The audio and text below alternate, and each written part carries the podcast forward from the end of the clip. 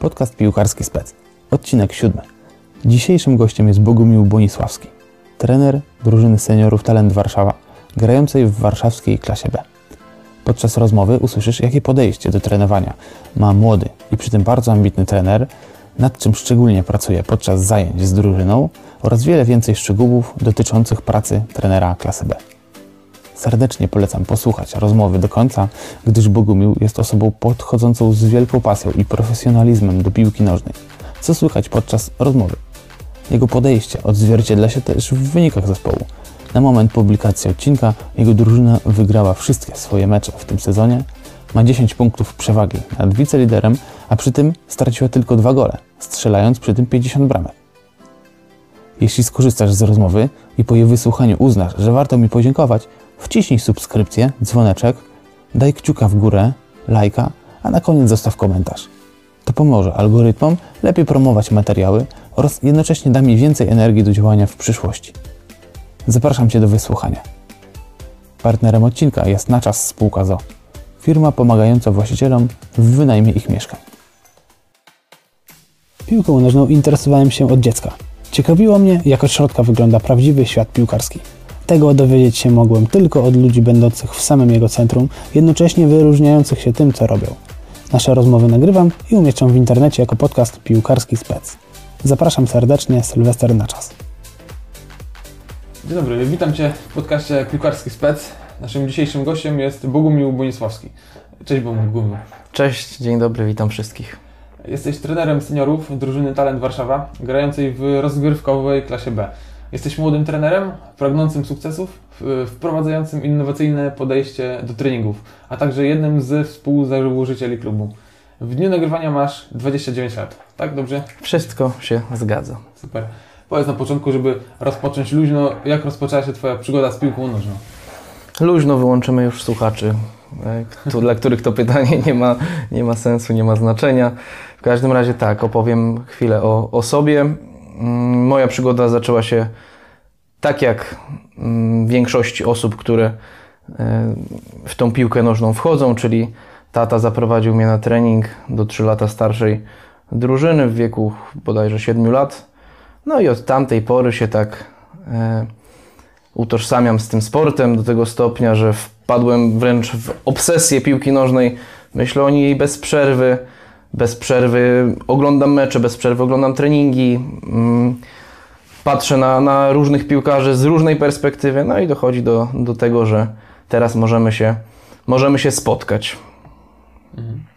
Właśnie, bo y, czy początkowo trenowałeś jako, jako dziecko, czy później grałeś też jako piłkarz w seniorach, czy... Tak, tak, tak. I ja trenowałem do mm, 19 roku życia. W międzyczasie zmieniałem kluby cztery razy. Przez e, lokalny klub, do którego poszedłem na początku, czyli e, GKP Targówek, który już e, niestety nie istnieje. Przez Markowie Marki. Później byłem w Dolkanie Ząbki wtedy jeszcze.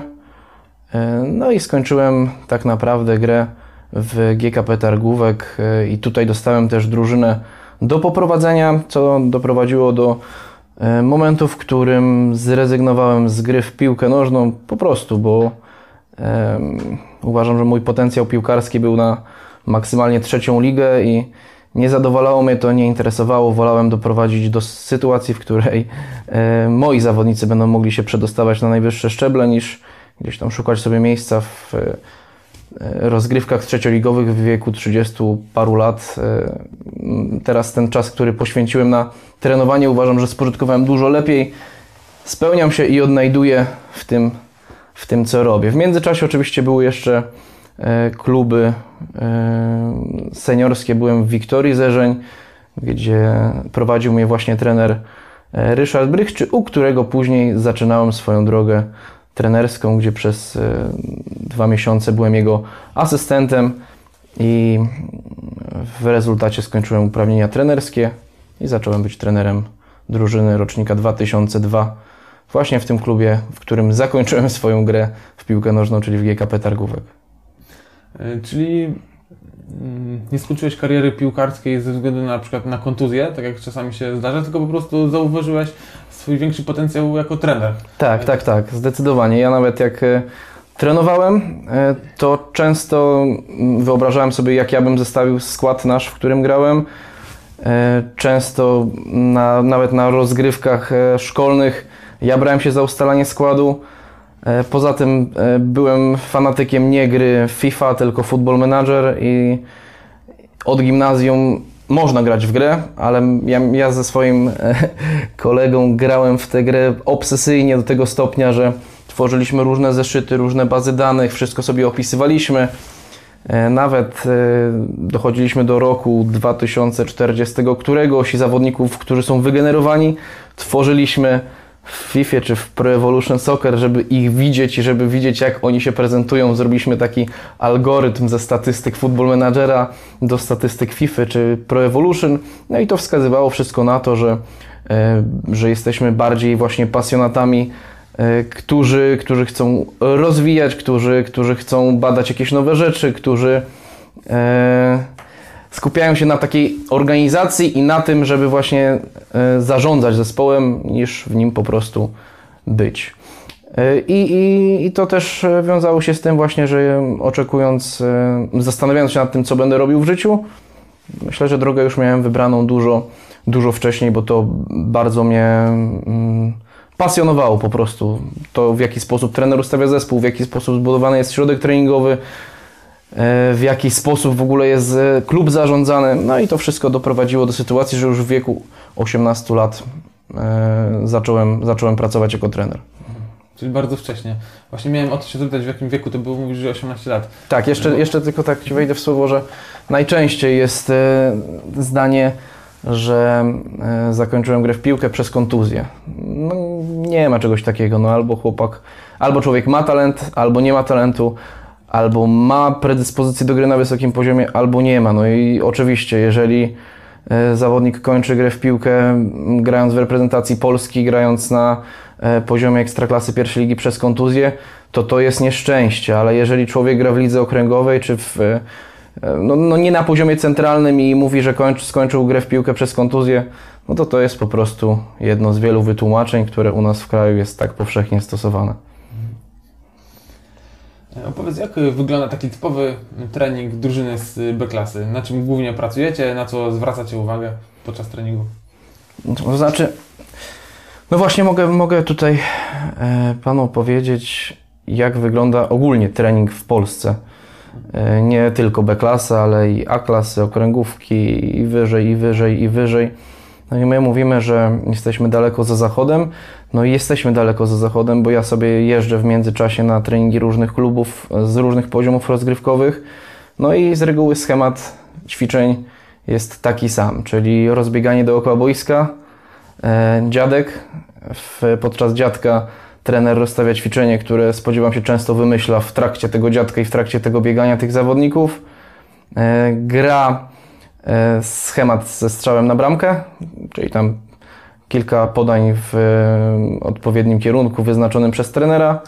No i na koniec albo strzały 11 na 0, czyli jed- 10 na 0, czyli 10 zawodników atakuje na bramkę przez całe boisko i strzela na bramkę bez przeciwnika, albo po prostu gra. No i tak wygląda trening w większości drużyn w e, Polsce, gdzie, gdzie się nie przejadę, no to mogę ten schemat spotkać i sobie oznaczyłem, e, że tak wyglądają po prostu treningi. No u nas my się tym różnimy, bo bo właśnie ja prowadzę ten zespół. E, różnimy się tym, że tutaj w klubie ogólnie mamy filozofię, w której najważniejszy jest przeciwnik, to on determinuje nasze zagrania. E, to wszystko, do, to wszystko wpływa na, na zachowanie każdego z zawodników, to wszystko rozwija, a trening, który opisałem, doprowadza tylko do tego, że e, podtrzymujemy swoją wytrzymałość.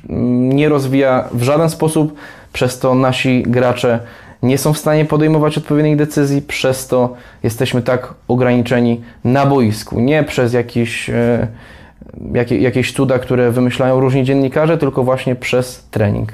Tak uważam i, no i udowadniam, uważam tym, co robimy na zajęciach, że to, co, e, to, to jak pracujemy jest odpowiednie.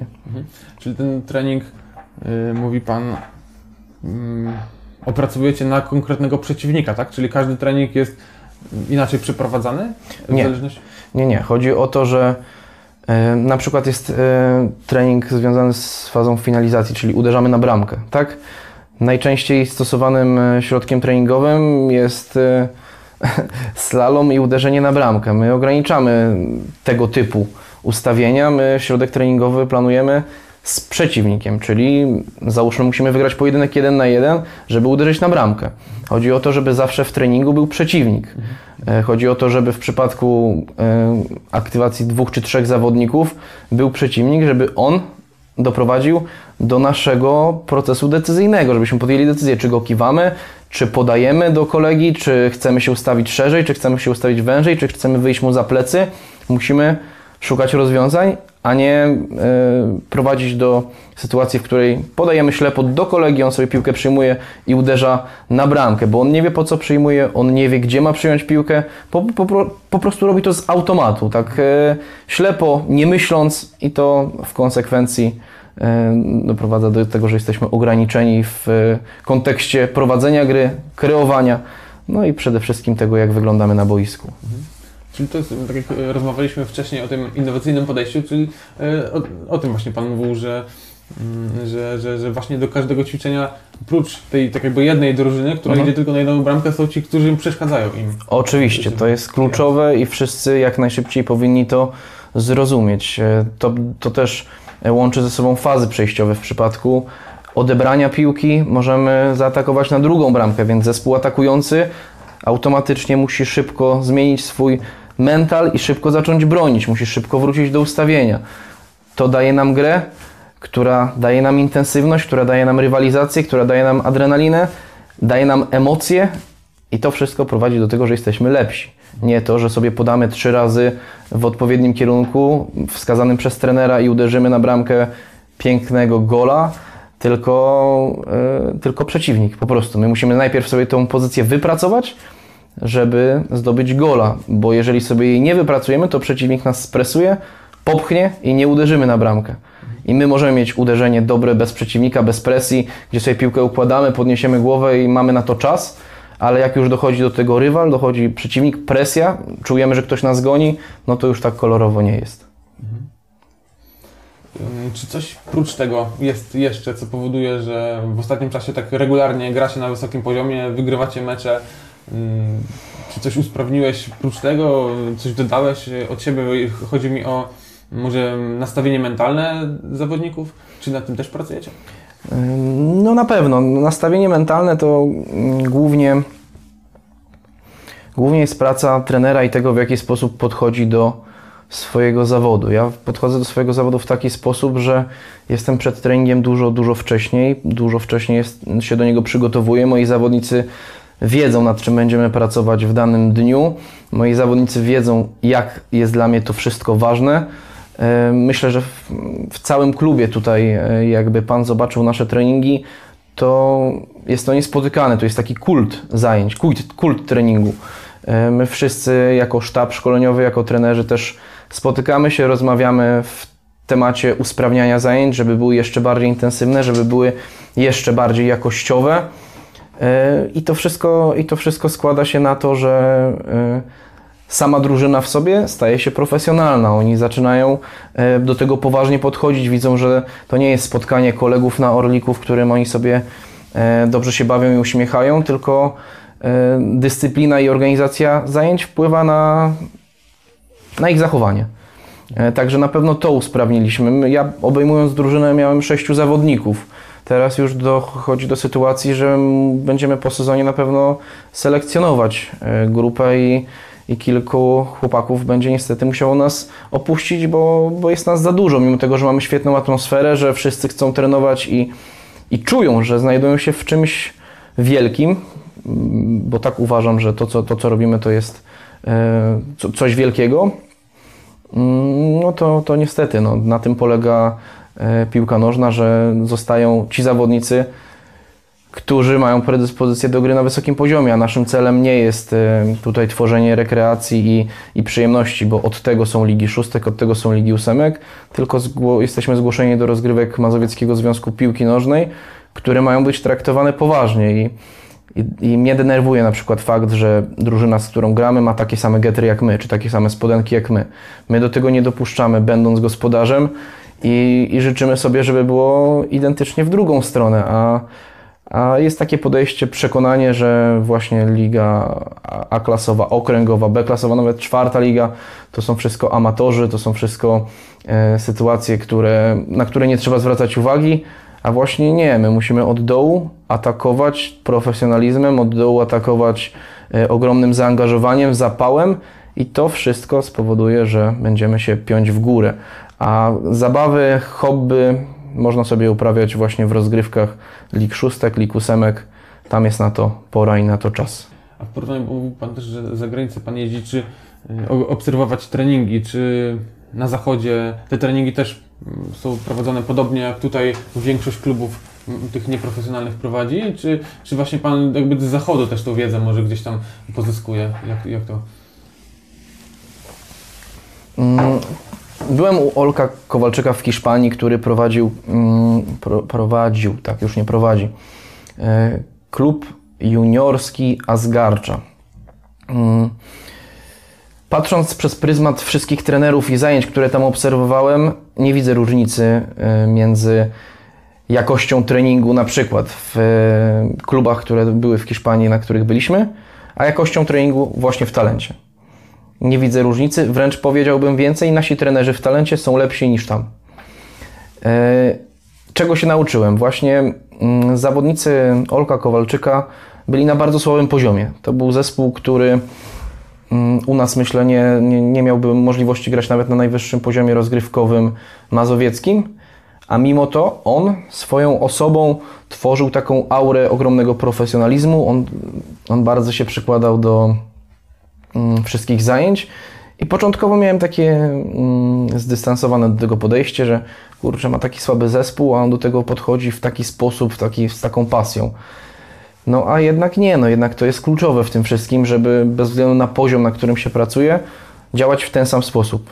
E, I, I tego na pewno się od niego nauczyłem i za to mu jestem wdzięczny, bo, bo, bo, bo tak, jak, tak jak mówię, no, ja różnie podchodziłem do piłki seniorskiej na początku, a teraz widzę, że każdego zawodnika można rozwinąć, nawet bardzo, bardzo słabego, pod warunkiem, że on chce trenować, pod warunkiem, że jest plan na, na szkolenie i na to, w jaki sposób drużyna ma grać. I zdarza się tak, że zawodnika, e, który całe życie gdzieś był na ławce, e, chłopak wchodzi w środek pomocy i jest najlepszym graczem od kilku spotkań. Chciałem się zapytać, bo byłem też, e, żeby Pana spotkać i spotkać się z Panem, na stronie internetowej znalazłem kontakt i później wybrałem się też na trening. I w jednym momencie był trening seniorów i jakby juniorów i Pan je prowadził. Jak Pan właśnie to łączy? W sensie, że w, w tej samej jakby godzinie mm, jest trening seniorów i juniorów. Czy to ma jakieś właśnie powiązanie, że później z tych juniorów Pan też wybiera do tej drużyny seniorów i, i tu gdzieś ma uzasadnienie? Czy... Tak, tak, tak. Nasze chłopaki trenują razem z seniorami. No i jest to, myślę, bardzo zasadne, bo piłka seniorska różni się diametralnie od piłki juniorskiej. E, chłopcy, którzy się wyróżniali na najwyższym poziomie mazowieckim e, w wieku 16 lat, wchodzą do B klasy. Wchodzą do B klasy i nie są w stanie sobie często poradzić z tym, w jaki sposób ciałem gra senior, w jaki sposób senior się zastawia, w jaki sposób się ustawia, w jaki sposób on się komunikuje. E, I to jest bardzo dobre dla nich przetarcie. Chcemy tutaj stworzyć środowisko dla chłopaków tych młodych, żeby jak najszybciej wkraczali w rozgrywki seniorskie i uczyli się już tej gry, uczyli się tej, tego doświadczenia, co też e, doprowadzi ich na wyższy poziom. Naszym celem tutaj jest nie tylko doprowadzenie naszej drużyny na wyższy poziom, ale tych naszych młodych zawodników wybicie na poziom centralny, tak jak też się to nam udało w e, wielu poprzednich przypadkach. I i teraz chłopcy, którzy grają w rozgrywkach seniorskich, e, już e, są, mm, są zainteresowani nimi, już dostajemy telefony od różnych klubów, że wybijają się na poziomie seniorskim. To jest zupełnie inny poziom, zupełnie inny pułap gry, czego na początku w swojej pracy trenerskiej nie wiedziałem. Teraz dzięki temu doświadczeniu na pewno, na pewno jestem zwolennikiem tego, żeby utalentowani juniorzy jak najszybciej trafiali do seniorów dzięki temu się szybciej nauczą tej gry. A ile dni takich treningowych jest przewidziane w danym tygodniu? Trzy lub cztery.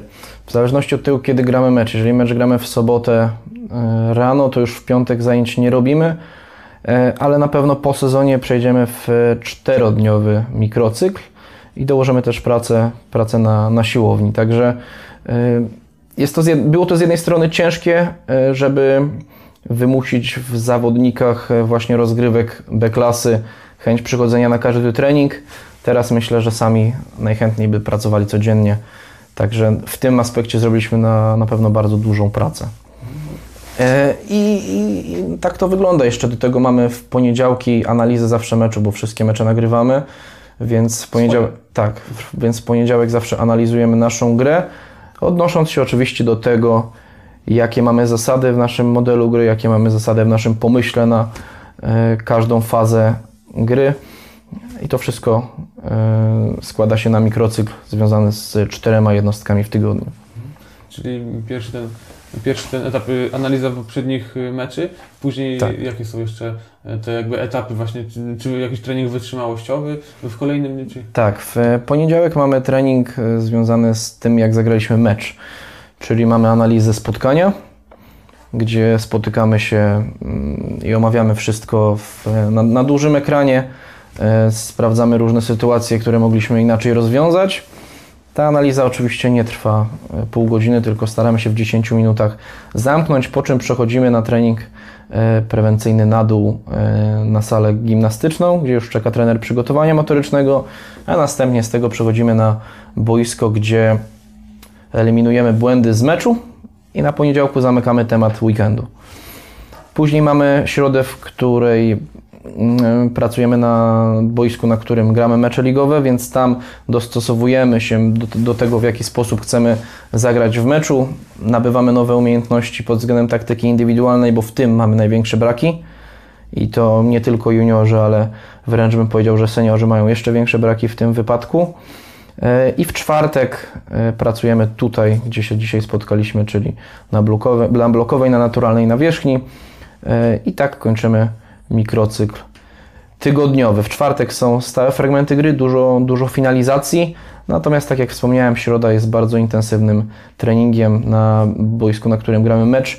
Jesteśmy po części ograniczeni, ponieważ musimy e, trenować na boiskach, e, na, których, na, na które dostaliśmy terminy i na pewno byśmy sobie to ułożyli inaczej, ale nie ma co narzekać, bo zbudowaliśmy świetny mikrocykl treningowy, który, który się sprawdza. I mimo tego, że na przykład jeden trening mamy na Orliku, e, to e, zakupiliśmy tam dużą bramkę 2 na 7 e, narysowaliśmy tam pole karne, postawiliśmy tę bramkę wszerz boiska orlikowego i dzięki temu mamy parę metrów jeszcze przed polem karnym i możemy też spokojnie tworzyć tam środki treningowe związane czy z finalizacją, czy nawet e, z otwarciem z otwarciem gry. E, No i od e, listopada, czyli po sezonie już będziemy mieć na pewno cztery treningi w tygodniu, z czego trzy już będą na boisku tym docelowym, na które chcemy wejść.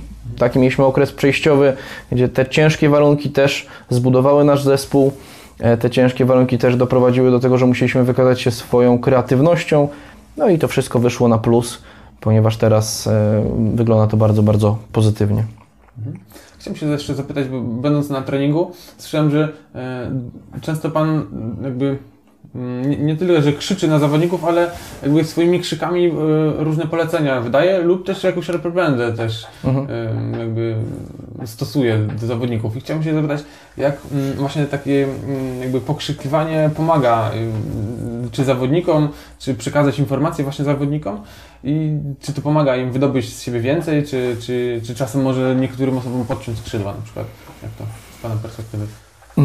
Na pewno y, trzeba znać swoich zawodników, żeby wiedzieć, czy można, mm, czy, czy, do niego, czy, czy do zawodnika dociera ostry kom- komunikat, czy zawodnik woli zostać e, wzięty na rozmowę indywidualną, czy trzeba go pogłaskać. No to już e, wszystko zależy od tego, jak trener to czuje. Trener musi to czuć E, i na pewno, jeżeli chodzi o, o trening, to praca trenera jest odwzorowaniem drużyny. Jeżeli ja wchodzę i ja się gotuję na treningu, jestem żywiołowy, to tak samo pracuje zespół. Jeżeli ja wchodzę i e, stoję z założonymi rękami z tyłu, czy rozmawiam przez telefon, czy rozmawiam z jakimś człowiekiem na trybunach, to nikt nigdy w życiu się na tym treningu nie postara. No niestety, tak to, tak to działa. Ja wchodząc na trening się gotuję, ja wchodząc na trening czuję już adrenalinę, już jestem e, pobudzony i tak samo reaguje zespół i tak jak i dlatego zapraszam też Pana na treningi wszystkich grup talentu, gdzie nasi trenerzy w podobny sposób też e, pracują, tak, takie mają e, zalecenia i na tym boisku się zawsze piekli. To jest, e, ono, ono płonie i taka jest różnica między treningiem naszym, a treningiem e, innym, żeby nie nazwać jakimś treningiem przeciwnika czy treningiem e, innego klubu, po prostu innym treningiem. My dochodzimy do sytuacji, że odzorowujemy całkowicie warunki meczowe, na treningu jest mnóstwo rywalizacji, e, mnóstwo takiej motywacji zewnętrznej, no i to prowadzi do, do, do, jakościowej, e, do, do jakościowej jednostki, która rozwija tych zawodników. Jeśli chodzi, bo wcześniej mówił Pan, że początkowo mieliście sześciu seniorów i teraz już jest jakby nadmiar znowu tych piłkarzy. Tak. E, Czy w klubie są przeprowadzone jakieś transfery na takiej jakby klasie rozgrywkowej, czy, czy to jeszcze jest jakby, czy, czy nie? Tak, tak, tak, tak. My też tutaj właśnie, tak jak Pan o to zapytał, tych zawodników juniorskich też przenieśliśmy e, szczebelek wyżej, oni te, trenują już z seniorami, ale to i tak nie dałoby nam takiej liczebności, jaką byśmy chcieli. Ym, Transfery to jest, myślę, sprawa kluczowa w każdym klubie, w każdej drużynie. Myślę, że jeżeli trener się tym nie interesuje, no to ponownie powiem, że po prostu nie jest trenerem, tylko jest e, człowiekiem od przeprowadzenia zajęć. E, Ja jako trener jeżdżę po różnych meczach, interesuję się zawodnikami innych drużyn, bo chcę pracować z jak najlepszymi, bo wiem, że potrafię ich jeszcze bardziej rozwinąć, wiem, że przy mnie będą jeszcze lepsi. E, I to jest, e, myślę, klucz w tym, żeby zespół się rozwijał. I, i tak jak tutaj w przypadku moich jakichś wychowanków, którzy gdzieś teraz przeszli, prowadziłem drużynę juniorską, tak mój jakiś scouting prowadzony e, indywidualnie, gdzie szukałem różnych utalentowanych zawodników, e, doprowadzał do tego, że ci zawodnicy przychodząc rozwijali tych, którzy już są, bo oni dostawali nowy bodziec, oni dostawali nowy e, problem, który muszą, z którym muszą się spotkać, czyli muszą rywalizować z nowym zawodnikiem. O to, żeby być lepszym od niego. Ponownie powiem, że to wpływa na rozwój i scouting jest niezbędny, szczególnie w tych niższych ligach, gdzie jest mnóstwo utalentowanych chłopaków, którzy mają zły trening i oni nie są w stanie rozwijać swoich skrzydeł, nie są w stanie rozkładać swoich skrzydeł, yy, bo właśnie przychodzą na zajęcia i mają podania w określonym kierunku, bez przeciwnika, rozbieganie, dziadek, strzał. No i tak to się wszystko toczy w takim kole, że, że ci zawodnicy utalentowani nie mogą pójść szczebelek wyżej, ci zawodnicy, którzy są szczebelek wyżej, nie mogą pójść wyżej. No i ściągamy z zagranicy zawodników, którzy nie są w stanie e, pokonać Karabachu czy Omonie Nikozja w e, przypadku na przykład Legii. Czyli oprócz tego, że Pan trenuje, to jeszcze tak naprawdę ma Pan też jakby funkcję ska- skauta, tak? E, Jakby sam sobie Pan tą funkcję jakby Mhm. nadaje, bo nie musiałby Pan teoretycznie, tylko chciał, chce Pan jakby lepsze osiągać te wyniki, jakby pomagać też zespołowi, tak? Dobrze Tak, rozumiem? tak, tak. E, Romeo Jozak był swego czasu trenerem Legii Warszawa i powiedział takie słowa, że pierwszym skautem jest trener. Że trener jest pierwszym i najważniejszym skautem swojej drużyny. Ja się z tym utożsamiam, utożsamiałem się z tym jeszcze przed jego słowami i no, to jest obowiązek, żeby trener jeździł na mecze e, swoich rywali, żeby mógł porównać w jaki sposób gra rywal, w jaki sposób gra mój zespół, żeby mógł porównać e, zawodników na różnych pozycjach, ich poruszanie się. No to, jest, to jest klucz do tego, żeby zespół się rozwijał. E, My nie jesteśmy Legią Warszawa, że każdy by w Legii chciał grać, tylko my musimy tworzyć taki przystanek do tego, żeby właśnie na ten wyższy poziom się wybić i swoją pracą pokazywać w jaki sposób e, do tego dążyć, w jaki sposób na ten szczebel wyżej wejść. Mhm.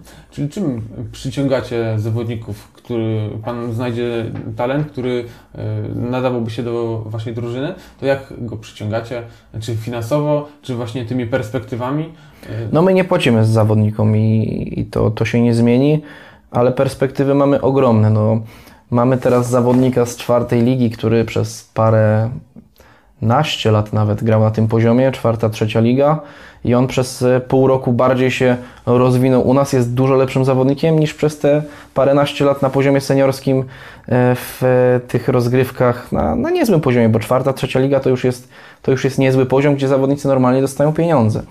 My pieniędzmi nie przeciągamy, przeciągamy właśnie, tak jak Pan wspomniał, perspektywami, w zależności też o, o, o której e, kategorii Pan mówi, bo musimy tutaj jasno dać granicę między seniorami a juniorami, bo w juniorach mamy drużyny na, na najwyższym mazowieckim poziomie i e, tutaj przejście do nas to jest e, krok do przodu, myślę, że w większości zawodników. Natomiast jeżeli chodzi o seniorów, no to wiadomo, że tu jesteśmy na razie na ostatnim poziomie rozgrywkowym, ale mamy w swoich szeregach takich zawodników, którzy zaraz będą dużo, dużo wyżej. I rozwój każdego zawodnika myślę, że jest e, dla każdego jakimś celem, dla każdego z tych osób jest jakimś celem. Jeżeli chcą to zrobić, jeżeli chcą właśnie e, rozwijać swój potencjał, no to wystarczy przyjść na trening, nawet na trybuny i zobaczyć w jaki sposób pracujemy my i szybko sobie porównać z tym, co oni robili przez ostatni czas. Ym, Chciałbym się zapytać o jak wygląda sztab trenerski w, w klubie. Prócz Pana, kto, kto, komu, kto Panu jeszcze pomaga podczas meczów czy na treningach? Mm, Jeżeli chodzi o seniorów, to mamy trenera przygotowania motorycznego, który również jest zawodnikiem i trenera asystenta, który teraz robi uprawnienia e, i pomaga, pomaga mi w treningach, jest wielkim pasjonatem futbolu, więc tacy ludzie tylko mogą osiągać sukces i, i się rozwijać, więc bardzo fajnie nadajemy na podobnych falach. Miło nam się pracuje, bo wymieniamy mnóstwo uwag i mimo tego, że on dopiero zaczyna swoją pracę trenerską, no to już e, wiele rzeczy, e, na wiele rzeczy zwraca uwagę i ten nasz e, trenerski e, duet idzie w dobrym kierunku, a trener przygotowania motorycznego, który też e, jest trenerem w klubie, e, zajmuje się całą otoczką związaną właśnie z pracą siłową. A czy można dołączyć do sztabu u Państwa, do sztabu tre, trenerskiego ym, na zasadach wolontariatu, tak żeby ktoś po prostu się przyuczył, czy raczej nie prowadzicie takich podszkoleń? Prowadzimy, prowadzimy i, i zgłaszają się do nas e, trenerzy, no ale przede wszystkim głównym czynnikiem, który właśnie mm, determinuje do bycia trenerem, do bycia w naszym klubie, do bycia w naszym sztabie, no to jest ta pasja, o której już wspominałem. No jeżeli widać taką pasję w oczach, chęć do, mm, do piłki nożnej, do tego, żeby oglądać mecze, oglądać treningi, no to droga jest otwarta przed, przed każdym i e, czy masz 15 lat, 20, 30 czy 40, nie ma to żadnego znaczenia, bo jeżeli masz tą pasję i do 40 roku życia jeszcze nie zrobiłeś tego kroku, to zawsze możesz to zrobić i zacząć się tego wszystkiego uczyć. Nie ma to żadnego znaczenia. Najważniejsza jest pasja, a pasja doprowadzi do tego, że będziesz coraz lepszy. Czyli nigdy nie jest za późno, tak? Do tego 40 roku życia. W takim razie od razu się zapytam, jaki, jak, jak, jaki pierwszy krok trzeba byłoby zrobić właśnie, żeby e, jak ktoś jest blady w temacie, e, wejść na tą drogę trenerską. Mm, No, niech się do mnie odezwie. niech się do mnie odezwie, bo e, to jest też taki ciężki temat, że zależy na kogo się trafi. My mamy na przykład w swoim sztabie szkoleniowym talentu trenera, który jest e, świetny. Jest świetny, świetnie prowadzi zespół, e, świetnie zarządza drużyną, pasjonuje się tym, myśli o tym bez przerwy, układa bardzo dobre treningi. E, czuje odległości, czuje to, kiedy właśnie zespół zmotywować. No naprawdę jest na bardzo wysokim poziomie. E, I ja musiałem z nim bardzo długo rozmawiać, żeby on tym trenerem został, bo wcześniej trafił e, gdzieś indziej, nie spodobało mu się to i uznał, że nie będzie w tym kierunku szedł. No a teraz myślę, że nie wyobraża sobie poza tym życia, więc też istotne jest na kogo, na kogo się trafi. E, Jeżeli trafi się na trenera właśnie, o którym opowiadałem, który bardziej skupia się na tym, żeby żartować na treningach, żeby podokuczać zawodnikom, a nie im pomagać, no to na pewno tej, tego bakcyla do trenerki nie załapie. Skąd y, Pan czerpie wiedzę? Czy z książek, jakieś szkolenia są dla trenerów, konferencje? Tak, tak, tak. E, Jeżeli chodzi o pracę trenerską, no to na pewno takim ostatnim czynnikiem, który daje tą wiedzę, jest kurs trenerski, niestety. E, W przypadku, e, gdy otrzymujesz uprawnienia jakiekolwiek UFAC, UFAB, UFAA, no to myślę, że takim najważniejszym zdaniem, które powinno się mówić e, przy gratulacji odebrania dyplomu, to jest, że ty trenerem nie jesteś, że do tego zawodu musisz się cały czas szkolić, doskonalić i czerpać wiedzę zewsząd, bo jeżeli mnie interesuje przygotowanie motoryczne, no to mogę się w tym zakresie szkolić. Jest mnóstwo na ten temat szkoleń. Jeżeli interesuje mnie, jeżeli interesują mnie działania taktyczne, idę na działania taktyczne, na szkolenia, które do tego, e, które, które są w tym temacie. I jeżeli chodzi o szkolenie trenerów, możliwości są nieograniczone, e, bo możemy jechać na staż, gdzie tylko nam się żywnie podoba. No akurat teraz e, pandemia trochę utrudnia życie wszystkim trenerom, też nad tym ubolewam, Mm, ale wcześniej nie było problemów, żeby pojechać w każde miejsce na świecie. Nie było problemów, żeby pojechać e, do każdego klubu w Polsce. E, Wszystko zależy od chęci i tak jak tu już Panu wspomniałem, mm, od tego jak trener traktuje twój, swój zawód. Jeżeli traktuje go poważnie, no to będzie się doskonalił bez przerwy. Można wyciągnąć e, z każdej kursokonferencji jakiś mały szczegół dla siebie. E, Wystarczy tylko e, analizować i wyciągać wnioski. I e, często zdarza się tak, że jest na szkoleniu pokazane ćwiczenie i nagle można się przejechać na treningi i wszyscy trenerzy to wykonują, to samo ćwiczenie, co jest kompletnie bez sensu. I teraz poprzez tą wiedzę, którą mamy w internecie, książki nie są mm, powszechne pod względem szkoleniowym, bo wszystkie środki, treści możemy znaleźć sobie w internecie. Teraz PZPN opublikował dużo materiałów związanych ze szkoleniem, które myślę, że jest obowiązkiem każdego e, trenera i e, biorąc te wszystkie aspekty pod uwagę, myślę, że e, możliwości są po prostu nieograniczone.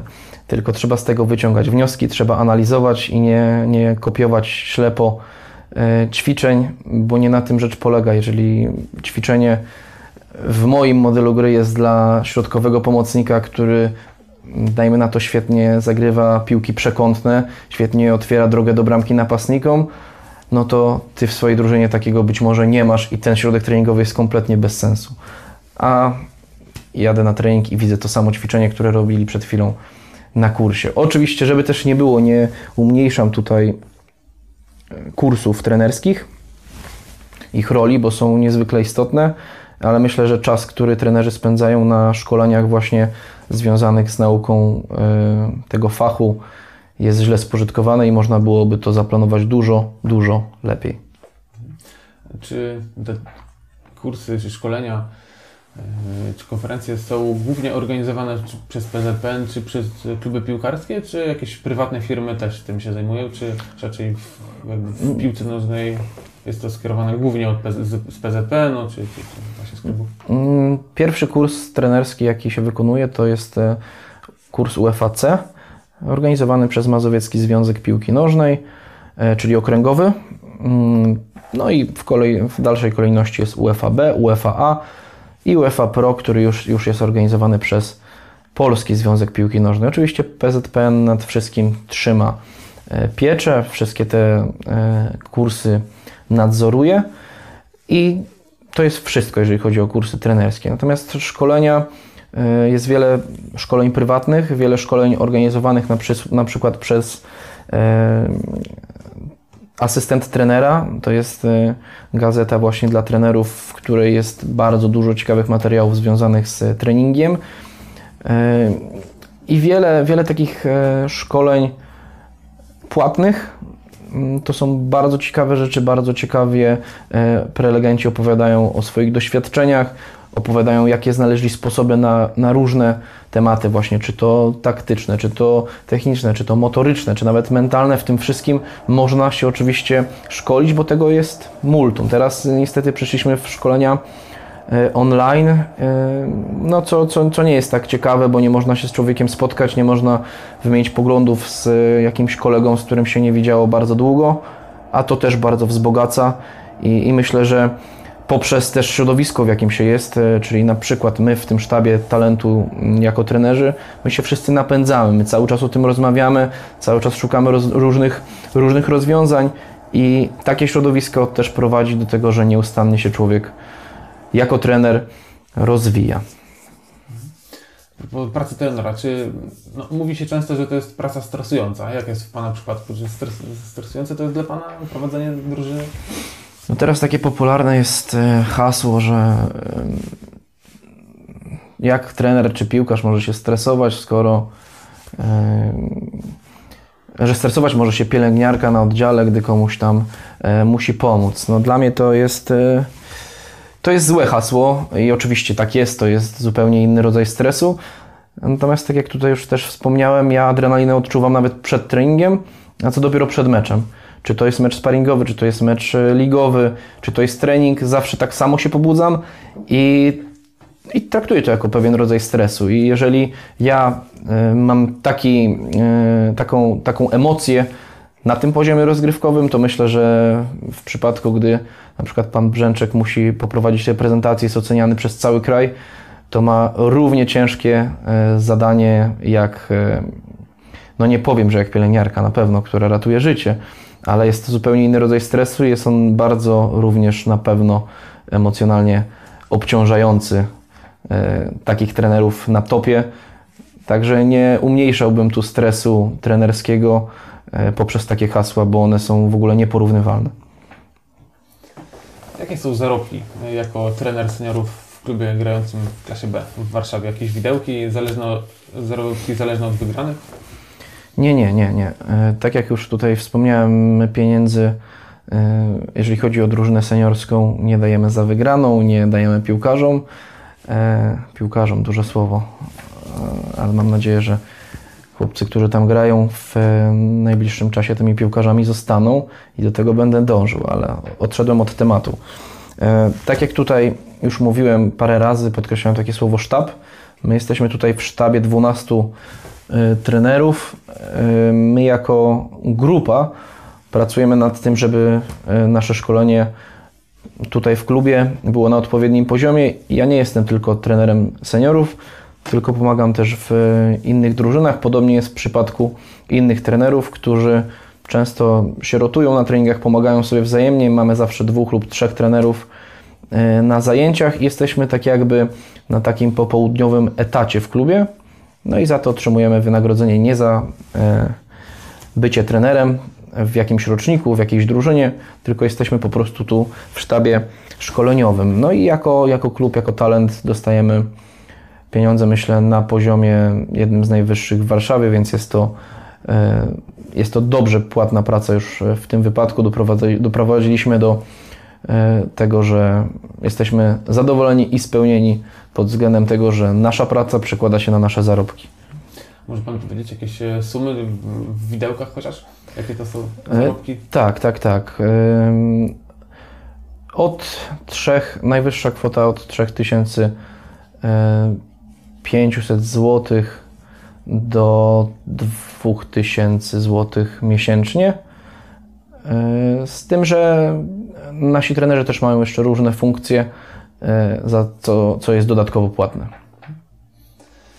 Będąc na początku swojej drogi zawodowej, z obecnym doświadczeniem i wiedzą, jaką jedną rzecz e, zrobiłby Pan inaczej? Nadal chciałby Pan być trenerem?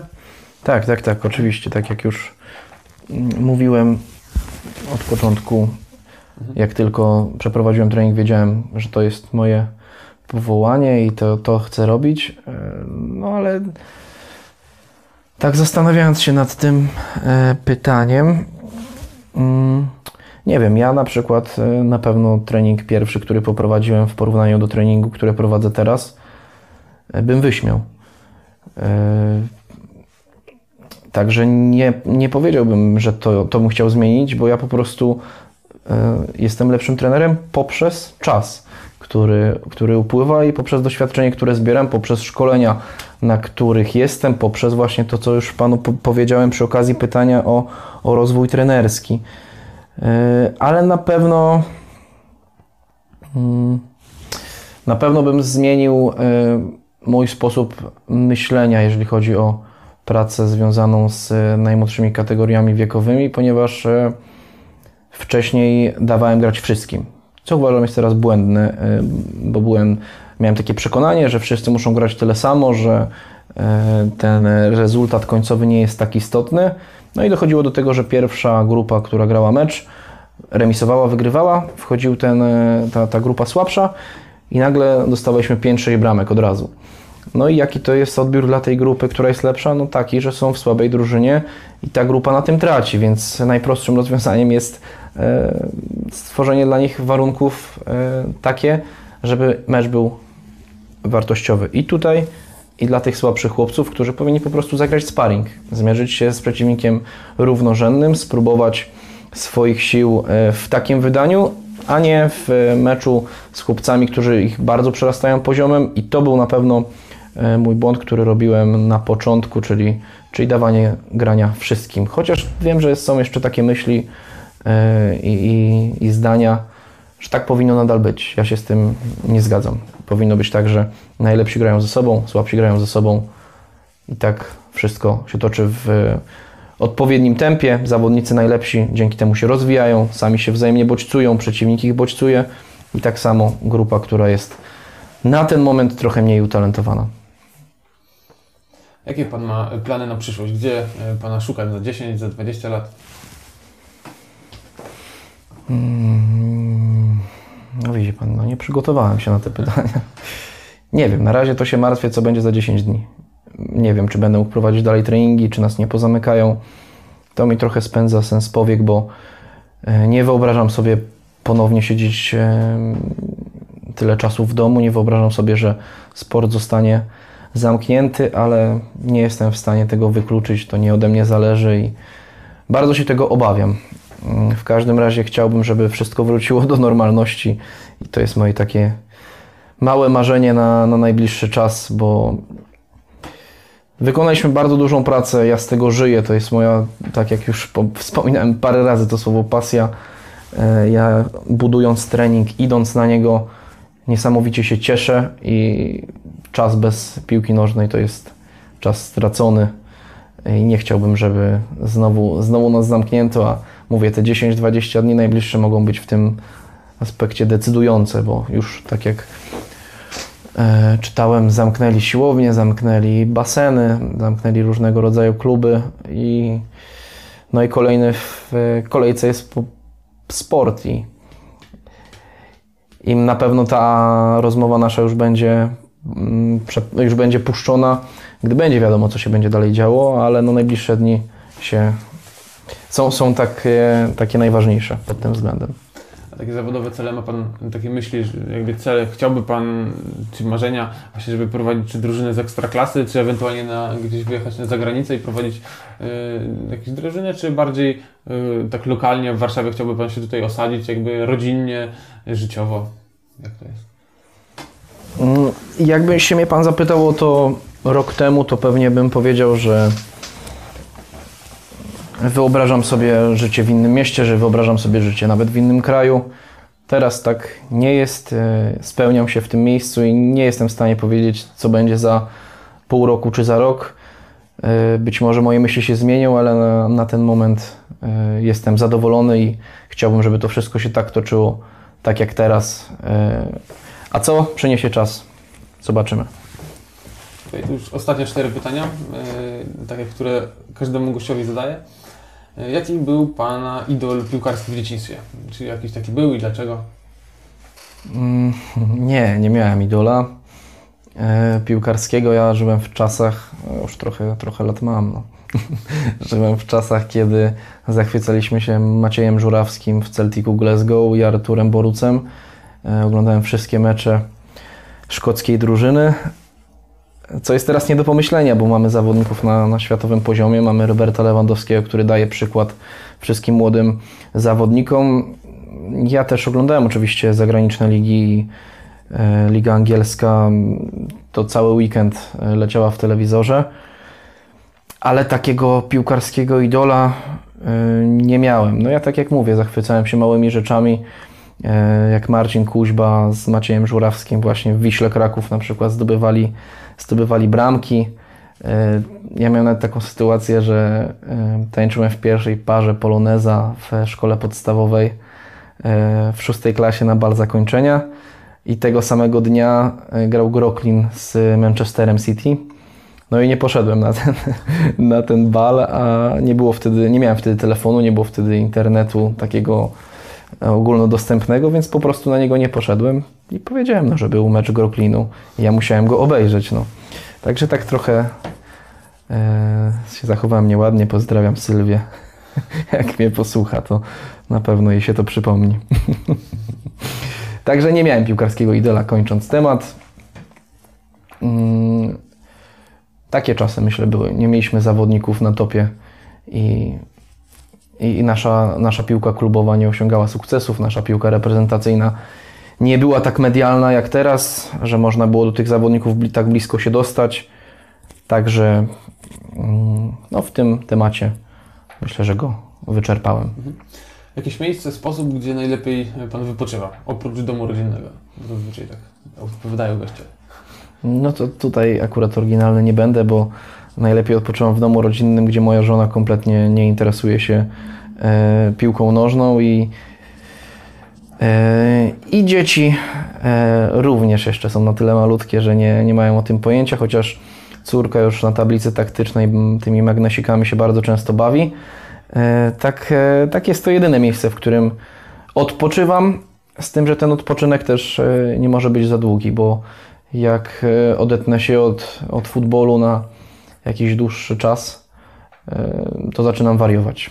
Więc e, odpoczynek odpoczynkiem, ale ja też e, odpoczywam w pracy tym właśnie w jaki sposób się spełniam i życzę temu każde, ka, każdej osobie temu, tego życzę. Każdy odcinek podcastu wspiera też zaproponowany przez gościa cel charytatywny. Jaki cel dziś będziemy wspierać? E, Michał, Michaś Bogucki to jest chłopiec, który teraz walczy o możliwość otrzymania lekarstwa, które kosztuje 8 milionów złotych. I, I to jest właśnie ten cel, który, który wyznaczam i chętnie e, go udostępnię, żeby można było wpłacać tam pieniążki, bo tragedia ogólnie rzecz biorąc, jeżeli chodzi o, o zanik mięśni. E, Teraz też w dobie właśnie tego koronawirusa wszelkie wyjazdy są utrudnione, natomiast e, pomoc dalej jest wskazana i dalej można te pieniądze wpłacać. Wiem, że już jest prawie połowa tej kwoty zebrana. Mam nadzieję, że dopniemy ten temat do końca i to jest cel, który wskazuję. Okej, no pod, pod nagraniem będzie link na pewno. I ostatnie y, pytanie. Jeśli ktoś chciałby znaleźć więcej informacji e, o Panu, e, gdzie można je znaleźć? www.google.pl Wpisujemy Bogumił Bonisławski i tam na pewno coś ciekawego, coś ciekawego się znajdzie. Będzie tam można znaleźć jakieś informacje, a jeżeli tyle nie wystarczy, to zapraszam do kontaktu. Ja jestem otwarty do wszelkich rozmów, chociaż ciężko było nam się spotkać, bo chyba dwa tygodnie próbowaliśmy znaleźć termin, który będzie nam odpowiadał. Tak, ale najważniejsze, że się spotkaliśmy, Tak, porozmawialiśmy. tak jest. Na zakończenie bardzo dziękuję. Dziękuję za poświęcony czas i przekazanie swojego doświadczenia. Dziękuję bardzo. Pozdrawiam wszystkich. Pozdrawiamy. Cieszę się, jeśli dotarłeś do tego momentu odcinka. Mam nadzieję, że wyniesiesz z niego wiele ciekawych i wartościowych informacji. Dzisiejsza rozmowa mocno mnie mo- zmotywowała i dodała nadziei, że przed polską piłką wiele możliwości. Jeśli tacy ludzie jak Bogumił będą tworzyć ten świat piłkarski, uważam, że w przyszłości oprócz piłkarzy będziemy mieli również trenerów na najwyższym światowym poziomie. Na koniec, jak zawsze, mam prośbę o zostawienie komentarza. Co myślisz o rozmowie? Może jakieś sugestie dotyczące tego odcinka, może przyszłych? Masz pomysł, kto ciekawy mógłby zagościć w podcaście? Napisz proszę swoją propozycję w komentarzach. Jeśli masz pytanie do dzisiejszego gościa, napisz je w komentarzu. Myślę, że chętnie na nie odpowiem. Jeśli rozmowa Ci się podobała i wyniosłeś bądź wyniosłaś z niej coś dla siebie, zareaguj, daj łapkę w górę lub w dół, subskrypcję i dzwoneczek, lajka lub coś w ten deseń. To doda mi jeszcze więcej energii, żeby tworzyć podobne materiały.